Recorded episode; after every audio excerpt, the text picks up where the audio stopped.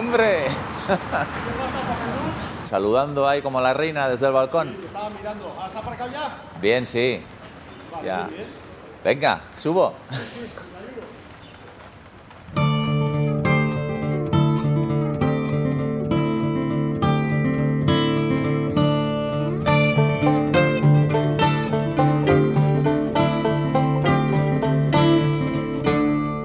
más difícil de hacer una tira es llegar a la síntesis, ¿no? Porque el, humor trata de, de desenmascarar, de quitar las capas de cebolla a la, a la información, porque un artículo, una información te lo llenan todo de capas de cebolla para que tú no veas nada, pero en el humor lo que trata es de, de quitar todas esas capas, de desenmascarar hasta llegar a la desnudez.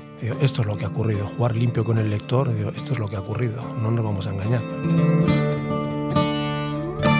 La de hoy es una charla en viñetas, en la que con nuestro anfitrión, Asier Sanz, cortaremos y colorearemos la realidad. O la pondremos delante de uno de esos espejos que la deforman. Puede que a través de ese espejo la entendamos. Y si la acabamos pasando por el filtro del humor y por la mirada de un niño, acabará cobrando sentido.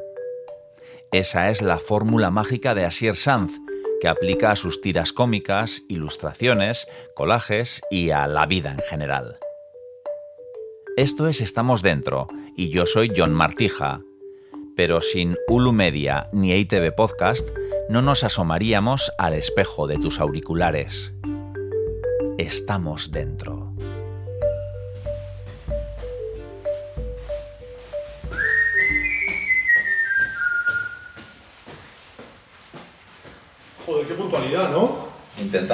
Intentamos, ser puntuales. Qué pasada lo tuyo. Buenos días. ¿Qué tal? Pues bien, así con este recibimiento. Claro, qué honor que, que vengas hasta aquí, hasta casa, madre mía. Bueno, pues yo. O sea, ¿y qué, vas a, y, y qué vas a, a, a cada entrevistado vas hasta su casa o...? Sí, esa es la idea. Estamos dentro, pues porque vosotros sois los anfitriones del programa. Y entonces os visitamos y, Sí. y conocemos también un poco. Opa, yo, ¿Algo mi hija, mi hija y mi mujer. ¿Qué tal? Bueno, ¿Qué tal, Egunon? Egunon. ¿Qué tal estás? ¿Bien? Muy bien. Bueno. Sí. Nosotros Sí. nos vestimos y nos vamos así, os dejamos tranquilos. No pasa nada, no pasa nada.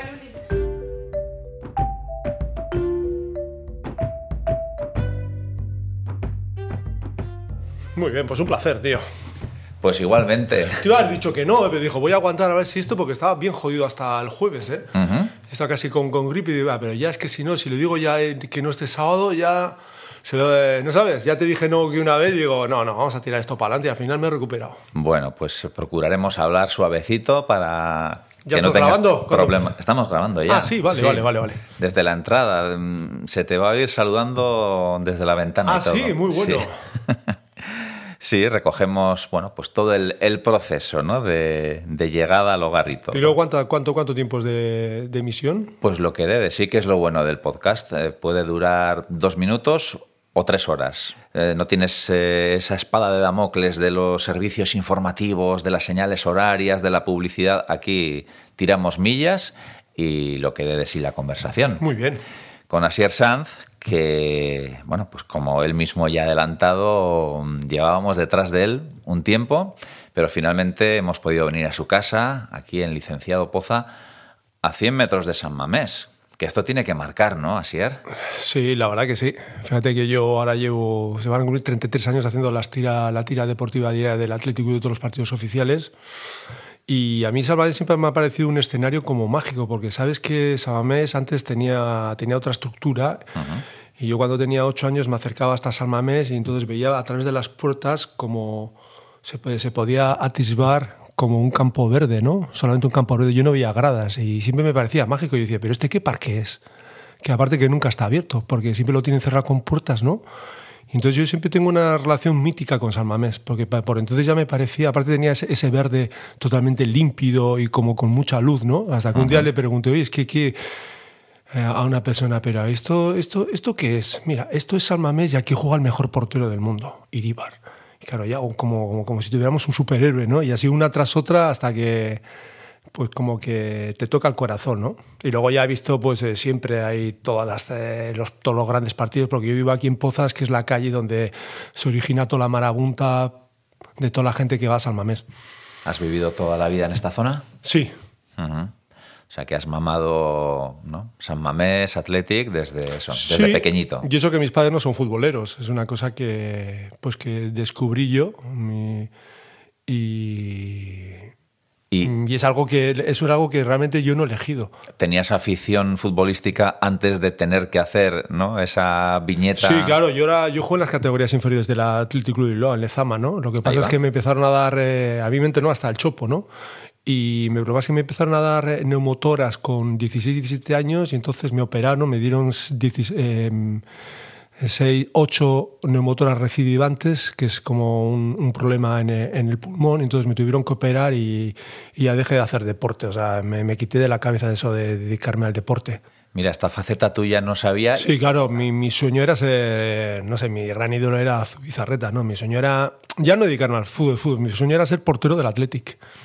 Era mi, mi gran sueño, me acuerdo que hacía dibujos, hice una serie de dibujos siempre de, un portero solo en la portería, las dificultades que tiene si un balón te viene. Bueno, yo siempre he dibujado, eso siempre sea, sí que ha sido siempre en la base de mi vida, ¿no? Desde pequeño nunca he dejado de dibujar y de crear historias. Y entonces, mira, lo, lo bonito de todo esto es que yo no he podido jugar en el Atleti, ¿no? Pero, pero a día de hoy en el Museo de- del Atleti pues hay tres cuadros míos, ¿no? O sea que de alguna manera me hace mucha ilusión porque digo, pues soy un, un cachito mínimo de la historia del Atleti, ¿no? Altura tienes, ¿eh? Para haber sido sí, sí, portero. sí. 1,91. 1,91. Y ahora que dices lo de los, los cuadros, he entrado a tu portal y hay unas pequeñas pinturas, ¿no? Unas pequeñas obras de arte y decía, "Mm, tendría que haber una Dasier, ¿no? Va, no sé, son, son cuadros como decorativos a la entrada, de estos que se ponen en un portal sin más. No. A mí lo que me gusta de, de la entrada a mi portal es que la- la- todas las baldosas parecen dibujos. Si te pones a mirar eh, el, dibujo que esconde cada, cada baldosa, cada mármol, yo siempre me quedo fijando porque veo caras, veo ciervos, veo esto, eso es lo que más me interesa, más que los cuadros que están puestos en la pared. De eso hablaremos también porque Asier Sanz es alguien que ve, que es algo que me gusta mucho de él, alguien que ve más allá de lo que tiene delante, ¿no? Porque también haces muchos juegos en tus redes sociales con, bueno, pues eh, cuando ves una mancha o qué sé yo, un tornillo o algo que mm, con una mínima intervención tenemos otra cosa ahí detrás, ¿no? Y eso es algo, algo muy interesante y, y no sé si, si es tu entretenimiento, ¿no? Cuando estás, qué sé yo, en una sala de espera, esperando, pues, Sí, bu- sí, sí, buscar sí. dónde hay algo que vaya más allá de lo que realmente parece ser. Claro, es que para un dibujante, para un creativo, la vida no es solamente cuando te pones delante de una hoja de papel. Para mí salir a la calle es como ca- el tiempo que tenemos para seguir desarrollando ese bíceps que es la imaginación. ¿no? Yo veo cualquier cosa, me encanta sacar los objetos de la cotidianidad. Me encanta, ¿no? Yo creo que los objetos están cansados de que a un plato no le llamemos plato, ¿no? A una puerta, una puerta, una silla, una silla. Una silla puede ser un puede ser un animal, porque tiene cuatro patas, el respaldo por la cabeza, si le pones dos cuernos, un ciervo, o sea, eh, creo que tenemos un cerebro muy condicionado de ver siempre las cosas en una misma dirección, pero cuando varías, lo ves justamente eh, eh, en otra dirección, de repente empiezas a, ver que, los objetos tienen mucho humor y también mucha poesía. Em, esto ha condicionado tu, pues por ejemplo, tu época estudiantil. No te imagino mm, sentado en el pupitre en clase como muy atento a lo que contara el profesor. Te imagino más eso, viendo cosas en las paredes o haciendo dibujitos en el margen del libro. Claro, es que yo era, yo era famoso en, eh, en- en- en el colegio, en el instituto, pero no por mi expediente académico, que era muy malo, ¿no? porque yo he sido mal estudiante, sino claro, yo, todo, yo en clase me dedicaba a hacer de los perfiles de las caricaturas de todos los alumnos, de todos los profesores, hacía un póster cada año de, de todos los profesores y entonces eh, eh, yo era muy seguido con lo que hacía, ¿no? Y, ya desde pequeño pues tenía esa pasión por dibujar. Me acuerdo que cuando estábamos aquí en el Instituto Miguel de Unamuno, éramos un curso muy pasivo, siempre sacamos muy malas notas y una vez la profesora eh, nos dijo, oye, ya es que no, no, no, ya no sé qué hacer con vosotros, porque es que ninguno hacéis nada en clase. No prestéis atención. El único que se salva es así, digo yo. Pero yo qué hago? Sí, tú por lo menos dibujas en clase. Ella me decía, yo, ah, encima dibujaba encima de los pupitres con boli, o sea que ya es una falta de respeto, pero bueno, me veía que por lo menos algo hacía. Bueno, y realmente eso se ha convertido en tu profesión, o sea que, porque luego estaban aquellos profesores que decían, nunca llegaréis a nada. Cae, Bueno, correcto. Pues esta vio que ahí había un, un filón a través del cual efectivamente has acabado siendo profesional con esos dibujos que, claro, me imagino, ¿no? Los dibujos, las caricaturas de los profesores seguro que triunfaban, ¿no? Sí, no porque- entre ellos, precisamente. ¿Eh? Entre ellos no, más bien entre el alumnado. No, y también los profesores, porque luego tuve un profesor de arte que me hice muy amigo de él, José María Arenaza, que hasta a día de hoy conservo la amistad con él, y, y él ya me ofreció, oye, vamos a hacer aquí una exposición en el Instituto de Cultura del Mundo con todas tus caricaturas, y como que él me supo ver. O sea, para todos los profesores yo era un deficiente estudiante, pero él ya me supo ver que en realidad tenía cierto talento para algo, ¿no? Era en otras cosas, pues no. Y entonces, eso es muy importante. Yo me siento como como el pez en el agua. Es como si a un pez le pides que, que trepe un árbol. No es lo mío, lo mío es esto. Entonces yo me dedico a lo que, para lo que he nacido. Yo creo que he dado con mi tecla. Y es muy importante porque si no, eso de nadar a contracorriente, hacer todos los días algo que no te gusta, primero pierdes tu salud y también pierdes tu tiempo, ¿no? Ilustrador, humorista gráfico, artista del collage, así te defines Sí. en tu propia página web. Eh, con eso ya Muy abarcamos. pomposo, ¿verdad? Un poquito fatuo. Bueno, oye, al final es lo que haces, ¿no? Sí, Y- pero va, en realidad yo me considero un creativo. Esa, esa es la realidad. Pongo todo esto pues para que vean que, que tengo muchos estilos y tengo diferentes recursos para hacer eh, todo tipo de trabajos, pero sí, me considero un, un creativo. Me gusta, me parece que el don que tenemos más grande de todos los seres humanos y que lo podemos ejercitar todos los días es la imaginación, que es el gran poder que hemos perdido los seres humanos, porque todo, todo lo que viene a la imaginación lo digamos en cines, en libros, digo, y tú, tú también podrías hacer algo de eso, podrías escribir un poema, podrías ver esto, hacer un mini chiste, el contar algo diferente, ¿no? Parece que hemos delegado ese gran poder de la imaginación en otros y creo que eso es un, es un error. Creo que el- la imaginación es el- la capacidad que tenemos para crear nuevos universos, para transformar la sociedad, para transformar la educación, para transformar las mentes de los niños, ¿no? A través de la imaginación. Y ahora que tenemos un montón de herramientas, porque tenemos móviles con los que podemos grabar eh, y sacar fotos de una calidad impresionante, tenemos ordenadores para editar, eh, tenemos un montón de ventanas abiertas para conocer el mundo, pero parece que justo lo que apuntas, ¿no? Nos quedamos viendo el mundo sin, sin hacer nada, siendo simplemente un mero espectador. Sí, absolutamente. Yo tengo. Hice un dibujo de mi hija que le hacía dibujos de cuando nació en el parque, ¿no? Durante dos, tres años, ¿no? Ya lo, lo he dejado, ¿no? Y, y recogía todo esto que veía, ¿no? Y tengo un, un dibujo que dice que la infancia es eso que pasa mientras los padres están viendo el móvil. Es terrible, ¿no? Porque yo lo he vivido en el parque, ¿no? Siempre están los padres viendo el móvil y los hijos están jugando, pero nunca juegan con ellos, ¿no? Parece que es más importante lo que ocurre sobre en una pantalla que estar ahí empatizando con tu hijo, que ya sé que es cansado. Yo tengo una hija, pero pero es una oportunidad única de estar siempre presente, porque un hijo lo que te está enseñando siempre es estate presente. Estate ahora, hay miles de detalles que puedes disfrutar y no estás disfrutando. Yo cuando a veces que siempre andamos los adultos, siempre andamos con prisa, voy de aquí de, Pozas hasta el Guggenheim porque le suelo llevar a, talleres de creatividad. Va, venga Lucía, que no llegamos. Ahí está, ¿te has fijado en la rueda de ese coche? Pasan 20 segundos. Ahí está, ¿y esas flores quiénes? ¿Has visto qué color tienen? ¿Y te has fijado que ahí hay un pájaro? Y dices, claro, es que yo no estoy presente, estoy todo el rato en la locura como estamos los adultos, ¿no? Y hemos perdido esa magia que tienen los niños, ¿no? Que se quedan con, con, con, con lo esencial de la vida. Creo que los adultos hemos olvidado que algún día fuimos niños. Eh, al hilo de esto que comentas el otro día, una situación curiosa que me rememoró también a mi infancia, ¿no? Estaba en un supermercado, pues lo típico en la charcutería, y, y llegó un padre con su hijo, el chaval con el balón pequeñito, tendría 7, 8 años, y le estaba contando el partido que había jugado, y, y he metido dos goles porque ¿me has estado mirando todo el tiempo? Le preguntaba el chaval al padre, ¿no? Como eh, siendo consciente de que sí, el, el, padre le acompaña al campo, está mirando más o menos el partido, pero lo que decías, ¿no? Cada dos por tres está mirando el móvil y el chaval tenía la preocupación de que no hubiera visto los goles ¿no? que había metido claro, en el partido. Está. Eso es lo, lo, lo, que decía el poeta, ¿no? Con cuántas personas estamos, pero con qué pocas somos.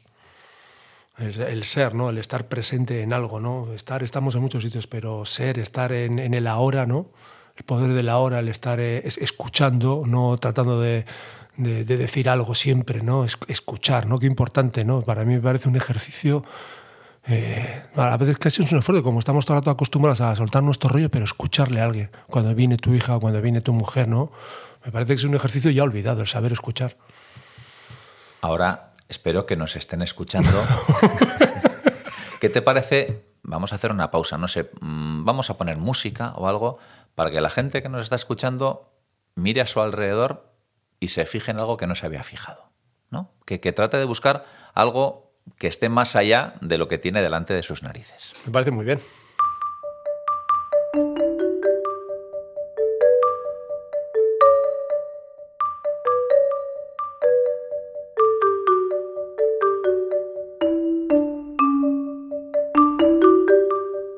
¿Habéis descubierto algo nuevo a vuestro alrededor?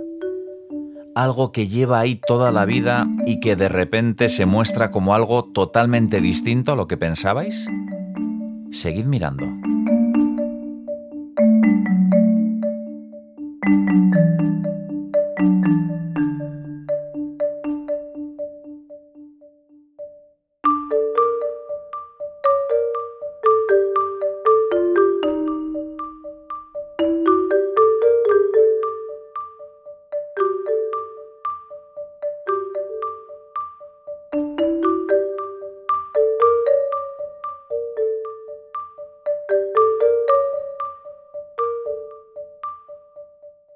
Asier, ¿cuándo, cómo consigues ¿no? que eso que era una afición, hacer tus dibujitos, tus caricaturas, se convierta en una profesión? Y en el sentido de que a veces cuando hacemos algo por gusto y por afición, puede que cuando sea profesión no nos llene tanto como pensábamos que nos iba a llenar. Pues yo creo que de una manera muy inconsciente, no hay un plan predeterminado, ¿no?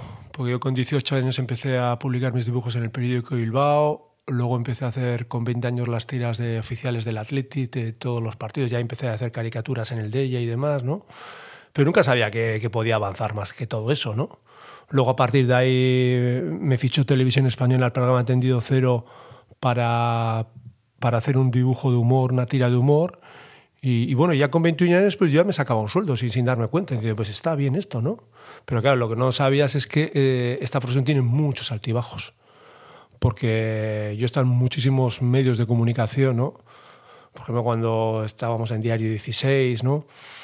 Eh, se cierran los dos años, que está, hacías una tira de, de política internacional, otra de, opinión, se cierra, luego entras en, metro, empiezas a trabajar y luego también se cierra. ¿no? Yo he vivido también el, el boom como de las inmobiliarias, ¿no? que, que, explotó todo de los medios de comunicación y tienes que volver a empezar de cero.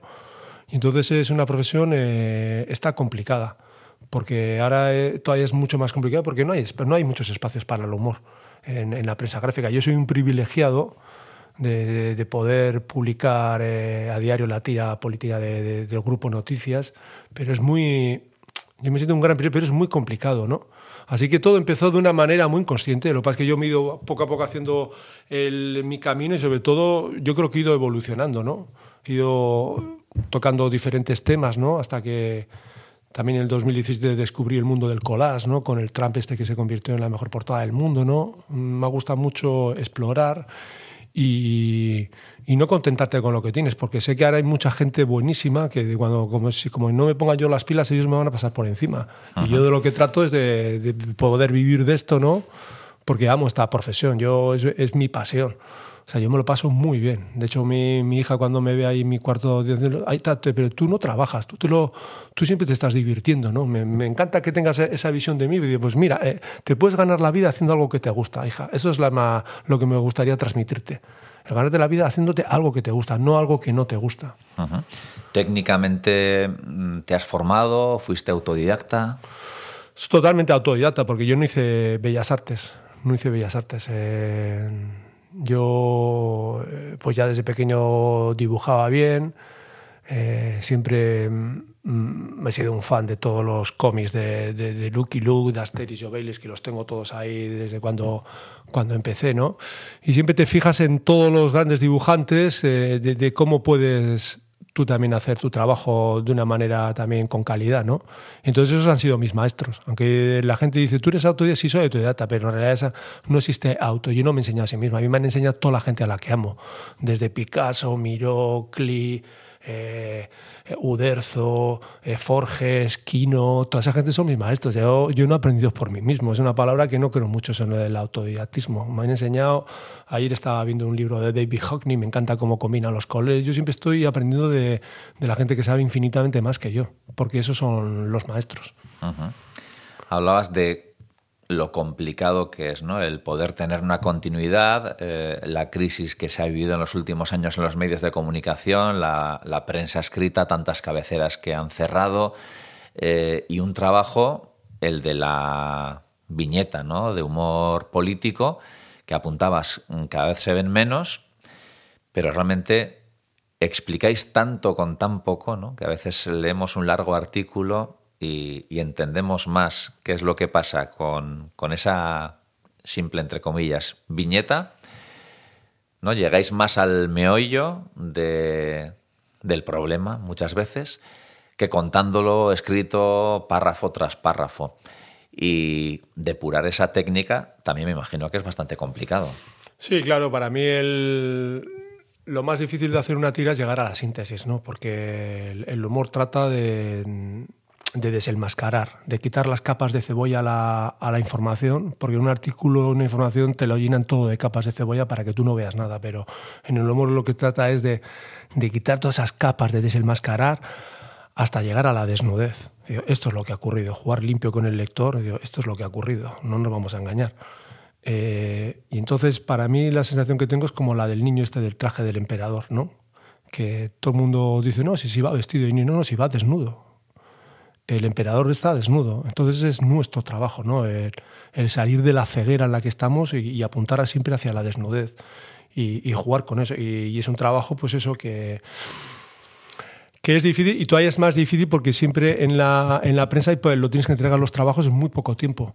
Por ejemplo, yo las tiras que hago del Athletic en solitario, cada vez son más difíciles porque el partido es a las 10 de la noche o a las 8 y si ya es difícil hacer un chiste, es mucho más difícil si, si, lo tienes que hacer solamente en una hora o en una hora y diez minutos, como les pasa a los periodistas que también tienen que entregar la crónica.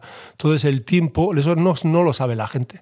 La gente no sabe. Cuando tú abres un periódico, tú das por hecho que igual hemos tenido todo el día para hacer eso. Y solamente igual hemos tenido, si haces la tira de una hora y se hacen las tiras de diario, son tres o cuatro horas, no tienes más.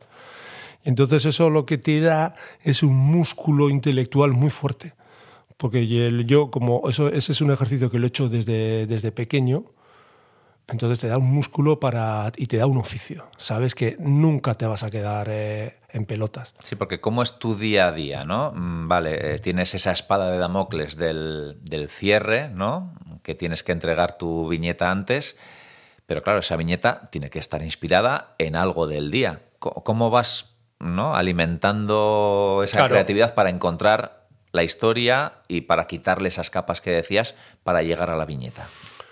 Bueno, eso, yo, yo ya sabes que trabajo en solitario con mi firma así, y luego tengo otra firma que se llama Seri Javier, que sí. colaboro con Javier, que es periodista y guionista. Entonces, la tira que hacemos para el grupo Noticias, para el, para el de ella, Noticias de Guipúzcoa y Noticias de Álava, pues la hago con el que se encarga del guion. Yo también, también colaboro con el guion, pero él, él lleva el peso, ¿no? Y en otras, como, en otras colaboraciones, como tengo del de ella, el 20 minutos de, de Cartoon Movement, esos las hago yo, ¿no? Entonces, en, el grupo Noticias, normalmente ellos no suelen dar el tema para que vaya con el periódico, no inventarte una historia y estar todo el rato hablando de trans, sino de cosas de aquí, ¿no? que nos atañen.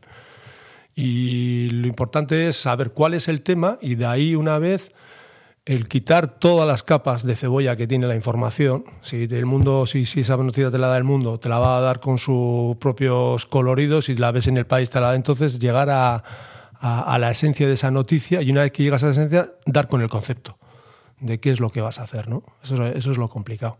Y luego ya pues dibujar, pues ya uno ya tiene esa rapidez de hacer una caricatura rápido y, y todo esto porque ya son muchos años. Llevo desde, tengo 53, llevo desde los 20 años sí, trabajando profesional, pues ya tienes esa, esa rapidez, ¿no? El periodismo lo que te, te exige es mucha rapidez Que yo cuando tenía, seguramente, yo cuando tenía 20 años mm, no podría hacer los trabajos que hago ahora, porque siento que he evolucionado y, y, y me tomo las cosas diferentes. Fíjate, yo cuando empezaba con 18, 19 años, empezaba, tenía que buscar una certeza, agarrarme algo, pero luego esa certeza se convertía todo en dudas. No, pero es que por aquí no, y ahora es totalmente a la contra. Empiezo desde dudas, empiezo a dudar, empiezo, y luego siempre llega una certeza. O sea, que el camino es más interesante empezar con dudas para luego acercarte a esa certeza, ¿no? Y para mí ese ha sido mi, mi gran cambio evolutivo en todo esto. Y sé que digo, no tengo nada, tranquilo. Tranquilo que la cosa va a llegar. Voy, voy buscando, vas testando, aparte la imaginación es circular. Das una primera vuelta, no encuentras nada, pero ya vas las cosas como un escáner. Zzz, Ves algo, luego a ver si ese, ese punto que, con el que has encontrado, si lo unes a otro, y luego ya si lo unes a otro, y entonces ahí empiezas, ¿no? Uniendo puntos que aparentemente no tienen ninguna relación entre sí, pero de repente, ¡zas! encuentras el chiste. Pero seguro que hay días en los que esa espada de Damocles del cierre está muy, muy próxima. Sí, sí, sí, sí. No, hay, hay veces que lo pasas mal, la verdad que sí. Lo pasas mal. Y aparte, tú imagínate ponerte a hacer una, una tira a las 12 de la noche, que yo ya estoy cansado, que he llevado a mi hija al colegio, que no sé qué, que no sé cuántos, y entonces es muy complicado. Es muy complicado. El otro día me acuerdo que me dijo el redactor jefe de- del periódico que, fueron unos becarios y les preguntan eh, cómo, cómo va el periódico y demás. Pues mira, estos son. Ahora estos deportes, les llevan a política, ahora estos deportes. Mira, esto es la, la crónica del Atleti, tal, no sé qué. Y vieron mi tira, la, tira que hice del Atleti y dice, ah, sí, pues está muy bien, ¿no? Y dice, ¿y esto que lo hace? ¿Que lo tienen todo el día? Y dice, no, no, esto lo hace en una hora. Eso es lo que la gente no sabe, ¿no? La rapidez con la que tenemos que trabajar. Antes hablabas, ¿no? De mostrar la desnudez, ¿no? De, de ese emperador. En todos estos años de trayectoria mm, has vivido situaciones en las que pues un director o un jefe de redacción te ha dicho no, no, ese emperador no puede estar desnudo. Censura, ¿te ha tocado? Eh, sí, sí, sí, sí, sí. No te voy a decir yo de qué medios, ¿no? Yo también te- no te voy a decir cuál, ¿no? También el año pasado estaba en un medio de comunicación, pero claro, siempre tenía problemas con ellos.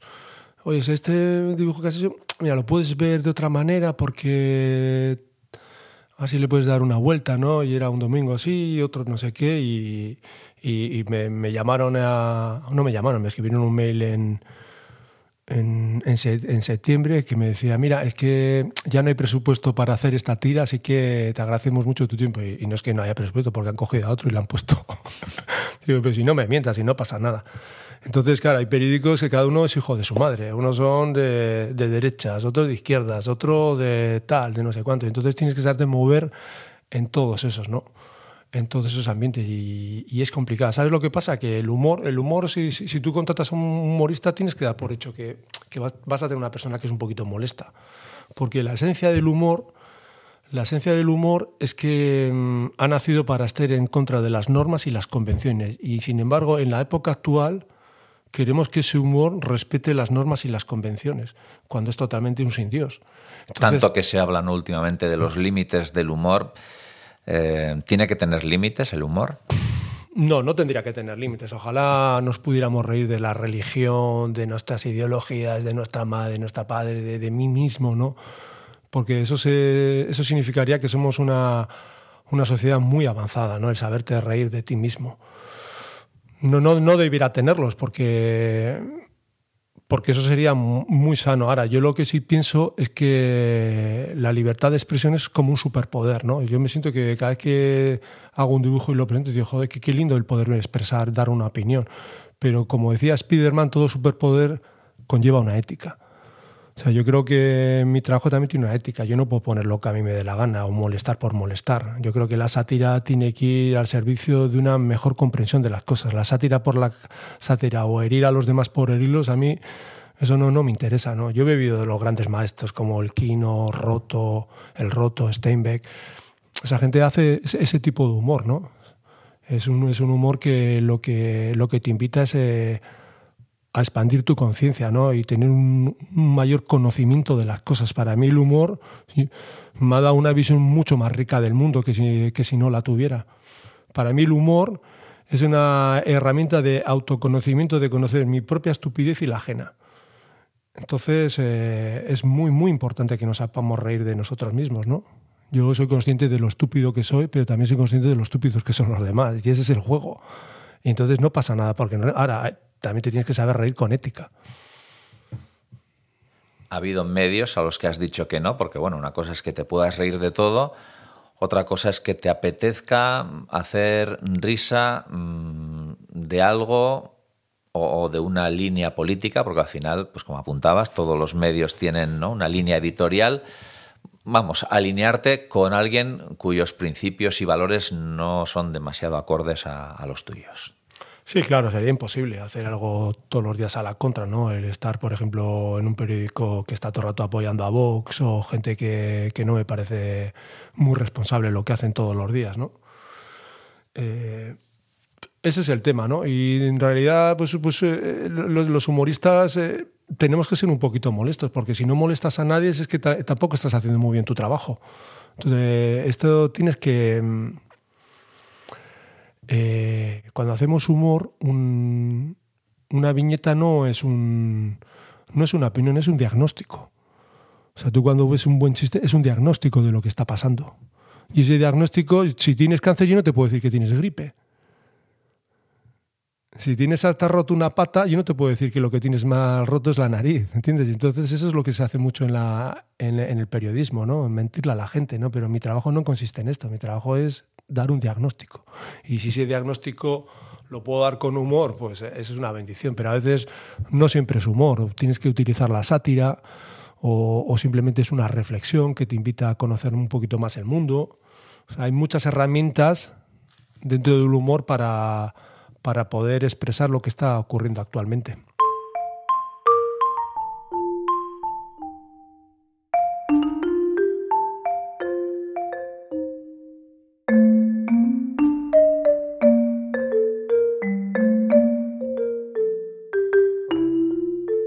Pero Asier Sanz no solo dibuja, pinta y colorea. En su cabeza, cualquier objeto puede llegar a cobrar vida y transformarse en el personaje más insospechado. Como apuntabas, hace unos cuantos años eh, te sumergiste en el mundo del collage y también te ha dado muchas satisfacciones, ¿no? Bueno, muchas satisfacciones y también muchos gastos, me temo, porque luego no sé si, si ese mm, jamón York de, de, la, del collage de Trump, mm, por poner un ejemplo, luego uno va y se lo come o ya está, está viendo a, Trump y se le indigesta. Sí, no, cuando hice un collage de esto, luego los materiales se, se deterioran, ¿no? Pero mira, ese es un mundo, este mundo del collage lo descubrí en 2017 porque en los desayunos con mi hija, con las sobras que quedan de las avellanas, de las avenas, luego ponemos un plato y creamos monstruitos. Las avenas unos ojos, los restos de kiwi el pelo y, y bueno, y quedaban cosas divertidas, quedaban cosas así, sacando los objetos de la cotidianidad de repente. Y a mi hija le gustaba, porque te das cuenta que no hace falta saber dibujar, ni ser eh, Leonardo da Vinci, no tienes por qué ser Leonardo da Vinci, ni ser Velázquez, ¿no? Pero jugando con las cosas, porque en realidad eh, lo que somos somos, yo me- no me considero un homo sapiens, me considero un homo ludens, del jugar, de, de jugar con las cosas, me, me encanta jugar con las cosas. Y ahí con mi hija en los desayunos descubrí un día una banana que se parecía al cabello de Donald Trump, luego la combiné pues con, con mortadela y me la llevé al estudio y luego hice una fotografía y se la enseñé a mi mujer y yo estaba jugando y le digo, ¿qué te parece esto? Tío, ¿esto lo has hecho tú? Que era una cosa totalmente radical a todo lo que hacía yo, porque lo hago, yo lo hago todo con plumilla, acuarela y esto. ¿Esto lo has hecho tú? Sí, lo he hecho en el estudio. Pues está de la hostia esto. Y nada, y, ahí luego ese, ese collage, mi primer collage, la primer collage que hice de caricatura de, eh, se hizo viralmente mundial. Luego me lo compró la revista Tapas para hacer su portada y luego hicieron una selección de las mejores portadas que se habían hecho en las mejores revistas del mundo, de, Nueva York, de Estados Unidos, Alemania y se convirtió en la mejor portada del mundo, ¿no?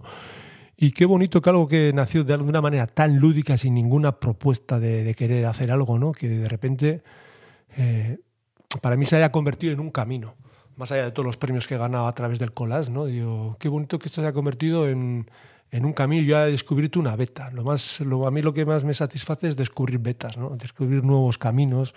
Y para mí eso me regenera mucho, ¿no? Porque hacer viñetas te cansa también, pero de repente tener este espacio también para crear cosas dentro del humor me, me, viene muy bien, ¿no? Y luego aparte es que dices que es, que es curioso cómo puedes crear una cara sin saber dibujar, porque pones ahí un pimiento que es una nariz, eh, de ojos les puedes poner qué sé yo, dos lonchas de chorizo y qué cosas más raras y qué cosas más locas y sin embargo se siguen pareciendo los personajes. Para mí me alucina, ¿no? Entonces es muy adictivo. Mi trabajo es muy, muy, muy adictivo esto de la creatividad. Ese collage de Trump, como apuntas, se volvió viral a nivel mundial.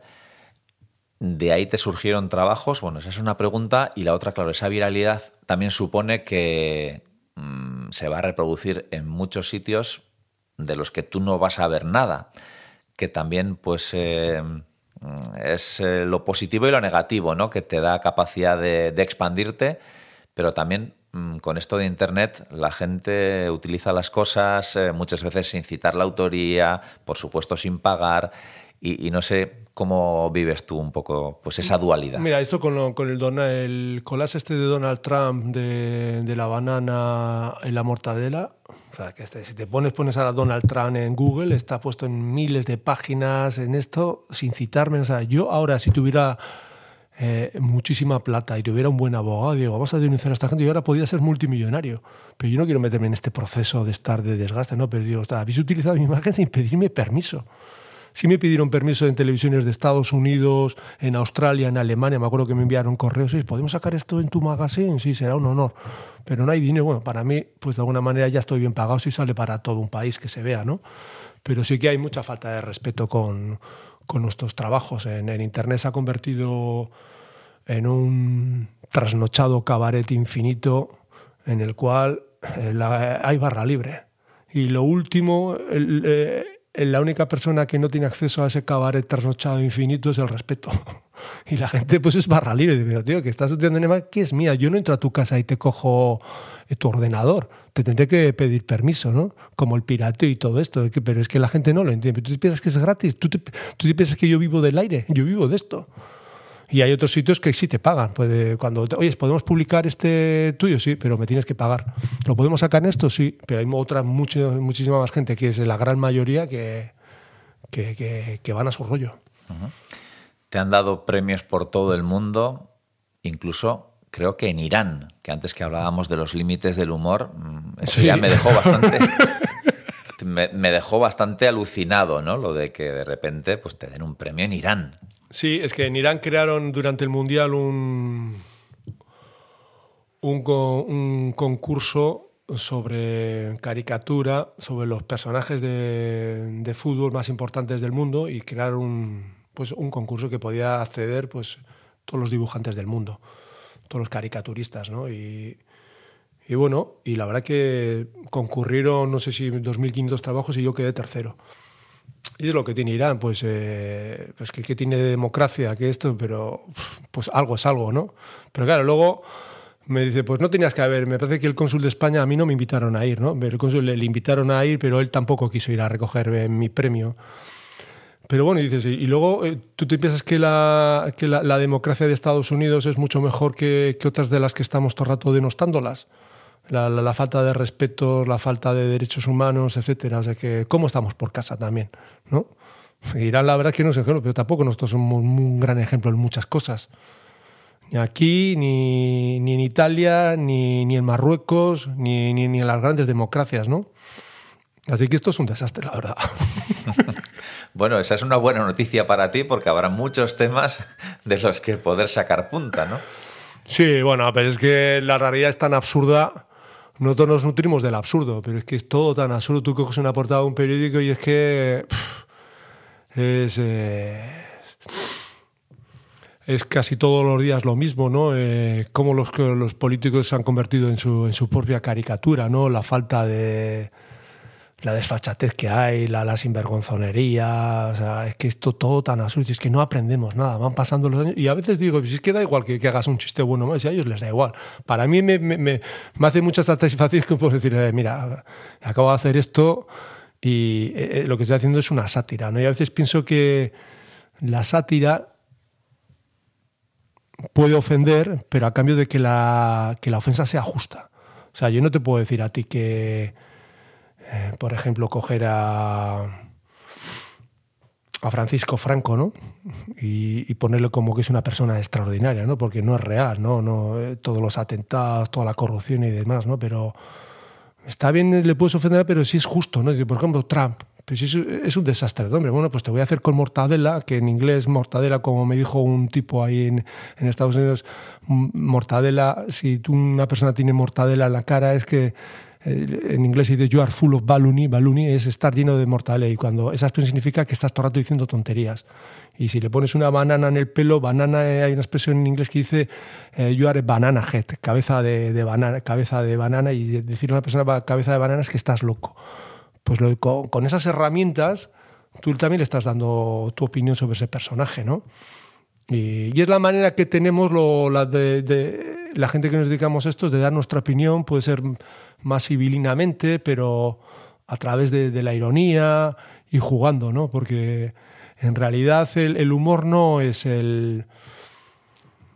El humor no es el mensaje. Que yo te diga, mira, este tío es tonto. Si yo no quiero, ya sabemos que es tonto. El humor es el lenguaje que yo utilizo para que tú te des cuenta de que esta persona eh, es corrupta, que de que esta persona no está haciendo lo que tiene que hacer, ¿no? El humor es el lenguaje que utilizo yo para hacer a Trump con Mortal. Eso es lo que me importa. Si ya sabemos cómo es Trump si ya sabemos cómo es eh, tal político, ya sabemos cómo es el otro, ¿no? Lo importante es qué herramientas, qué lenguaje utilizas tú para crear esa magia que es un chiste, ¿no? Te habrá pasado también, me acuerdo que había un chiste del Mundo Today, ¿no? Pau que se despertaba a las 3 de la mañana con una magnífica idea para una canción, juntaba a todos los músicos en el estudio empezaba a tocar y, era la flaca. Y los músicos, como, se lo decimos, que esta ya la hemos hecho, ¿no?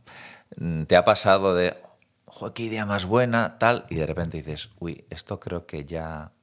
En algún momento dado ya, ya lo conté más o menos parecido, porque claro, lo que apuntabas, ¿no? Los miembros casi siempre son los mismos. Hacer un cesto nuevo, distinto o que tenga un matiz diferente también tiene que ser sí, complicado. Claro, lo, lo, más difícil para mí de un chiste es ser original porque caer siempre en los mismos clichés y tener que hacer una tira diaria, eso es lo más complicado, hacer algo original. Para mí, yo, eh, si tuviera que ser juez de algún concurso, que lo he sido, ¿no? yo, para mí lo más importante es su originalidad. Luego, lo segundo es la profundidad de lo que tú me quieres contar y qué, qué lenguaje artístico has utilizado. ¿no? Pero para mí, yo, lo más bello es la, la originalidad. Hostia, esto nunca lo había visto. ¿Cómo lo ha conseguido? ¿no? Ser original para mí eso me parece que es lo más top. Así también has ilustrado libros, que supongo que ahí mm, ya hay un poco más de margen de, tiempo para trabajar, para desarrollar las ideas, el estilo. No sé si cambia, ¿no? De, una viñeta a un libro ilustrado. Sí, eso. Eh, en, una viñeta lo que utilizo son personajes caricaturescos, los, eh, los cuerpos no tienen por qué ser proporcionados, ¿no? Sin embargo, en libros que he hecho de piratas vascos, eh, balleneros, corsarios, etcétera, pues ahí es un lenguaje, un, tipo de, dibujo mucho más natural, más naturalista, ¿no? Mucho más realista. Y, al fin y al cabo también de lo que se trata con una ilustración es contar una historia, ¿no? De darle valor al libro a través de, un dibujo.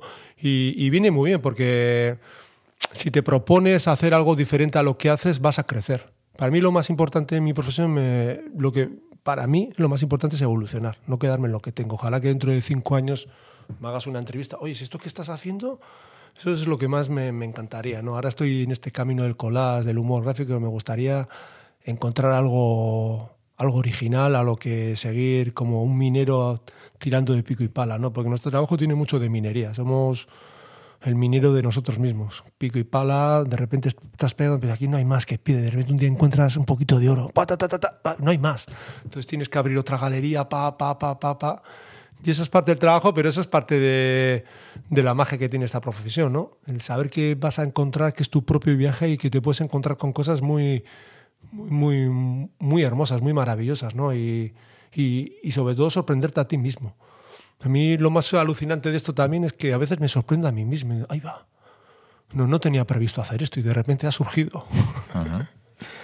Como apuntábamos antes, ves cosas que están ahí, que sí, que están, aunque no las veamos a simple vista. Eh, simplemente hay que cambiar el, filtro y volver a poner ese filtro limpio, ¿no? sin capas de cebolla que decías de la niñez. Sí, tomarte esa molestia. Mucha gente le dice, "Joder, pero tú cómo has visto en estas farolas unas espadas de Darth Vader o estas cosas. Y digo, "Pero es que tú no te tomas la molestia. Yo cuando paseo por Bilbao no estoy pendiente del móvil, estoy todo el rato, para mí es una fiesta. Salgo a la calle y mi mujer me dice, le digo, Nachi, que voy a salir a, a dar una vuelta. Vale, dale saludos a tus criaturas imaginarias. Claro, esa es la idea. Yo salgo a la calle a pasármelo bien. A ver si veo uno, un buzón, si veo una baldosa, si veo... Me parece muy, muy divertido, ¿no?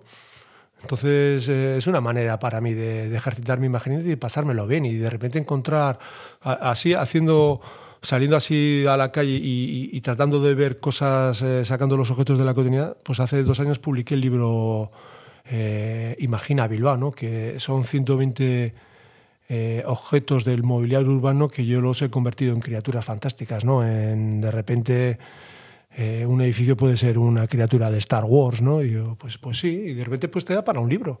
No tiene por qué ser una obra maestra, pero el que lo lee dice, esto es divertido y está bien, ¿no? Uh -huh.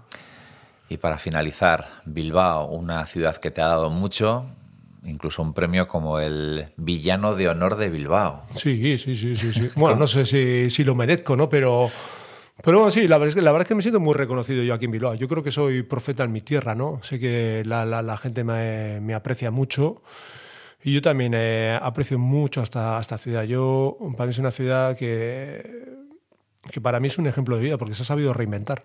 Es una ciudad que cuando en los años 80, 90 estaba abocado a un futuro gris, estábamos con, la, con, la, con el el crepúsculo de la industrialización, Bilbao era una ciudad muy apocada, todos los edificios manchados, la ría, la herrumbre, ¿no? De repente yo la veo, han pasado 25 años y digo, qué maravilla. O sea, esto es lo que yo quiero hacer en mi vida, reinventarme.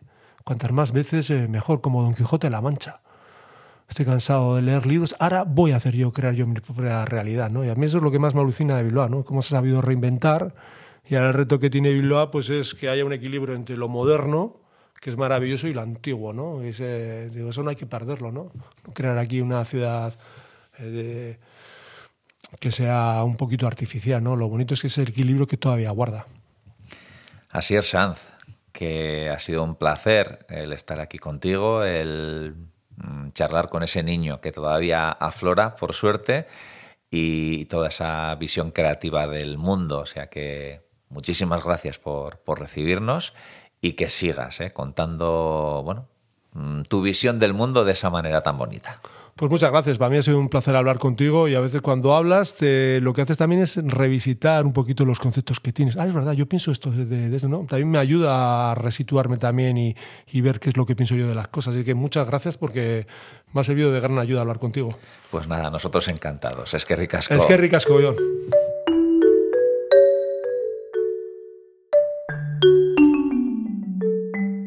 Finalizada la charla, Asier nos enseña su estudio, una pequeña habitación de la casa en la que su imaginación vuela alto. Tengo aquí mi, mi espacio. Este es el, el, estudio donde surgen, bueno, surgen por la calle. Mira, mira, esto es lo que te digo, lo de lo que es el objet trouvé, ¿no? Que, que hacía Picasso. ¿Te acuerdas que Picasso tiene, que iba andando por la calle y veía de repente un sillín? El, el asiento de un sillín y, y, luego el manilla y lo convierte en un, en un toro. Uh -huh. Me encanta eso del objet trouvé, el, el, el, objeto encontrado, ¿no? El otro día me encontré esto ahí, eh, que parece que es una embarazada, ¿no? Pero claro, a esta embarazada le pones esta plastilina y, y se parece a Donald Trump. espera, espera, espera, espera, te lo voy a poner aquí. Es muy raro, aparte que es un hombre que siempre nos está poniendo a parir. pues verdad, sí. tiene ese rollo. Y digo, es que es muy loco, ¿verdad? Y me encanta coger todo el rato objetos. Fíjate, este, tengo ahí alubias, porque con eso creo mis colas. Ahora voy a hacer a, a fito con, con, alubias y con garbanzos. Y me encanta tener todas estas cosas que encuentro por la calle. Fíjate, este, este de aquí que parece el casco de un motorista. ¿Te lo ves? Una cáscara de huevo eso, rota. ¿eh? Parece el, sí, y, o un casco de motorista. Eso, ¿eh? Digo, y lo tengo aquí y me encanta convivir con todas estas chorradas pero me encanta, me encanta vivir con, con mi creatividad y luego hacerla real.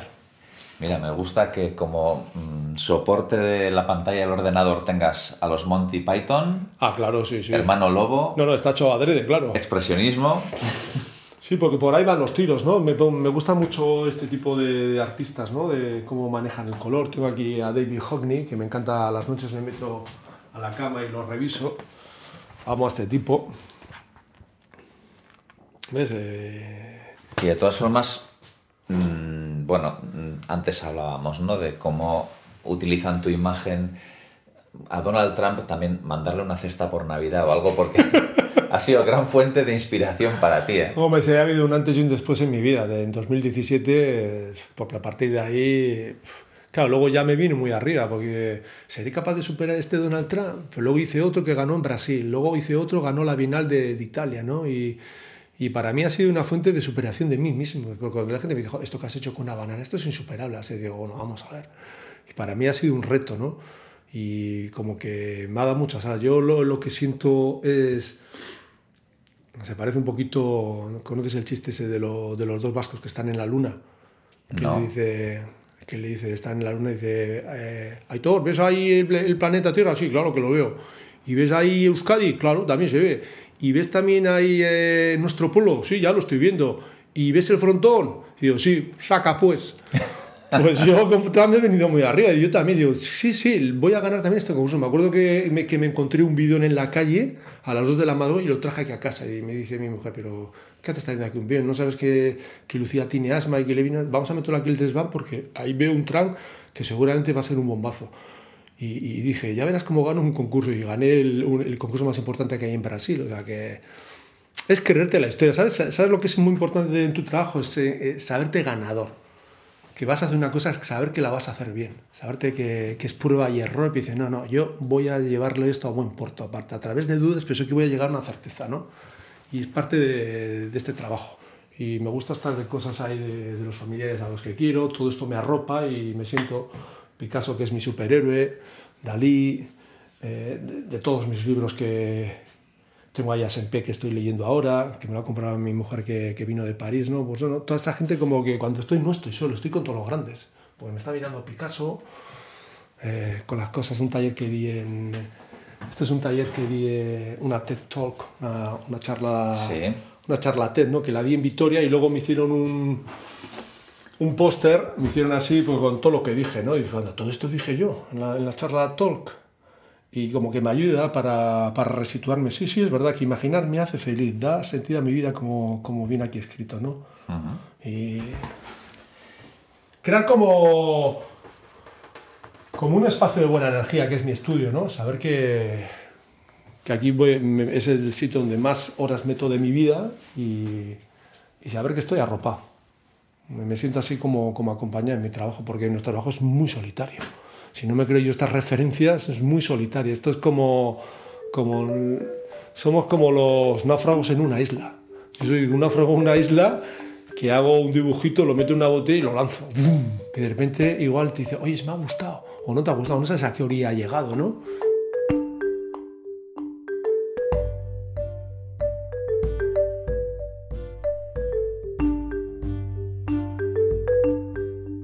Hasta aquí esta visita de Estamos Dentro. Esto es un podcast y dicen que solo es audio, pero estoy convencido de que Asier Sanz ha llenado de imágenes vuestras cabezas. Os animamos a que os suscribáis a Estamos Dentro en vuestra plataforma de audio favorita y que le echéis un oído a todos los contenidos de ITV Podcast, que están llenos de colores y grandes historias. Un saludo de John Martija nos escuchamos en una próxima visita.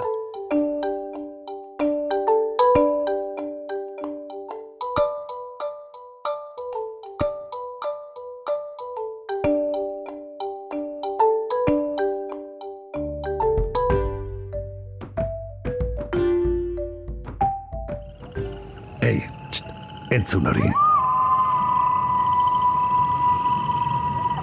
Media.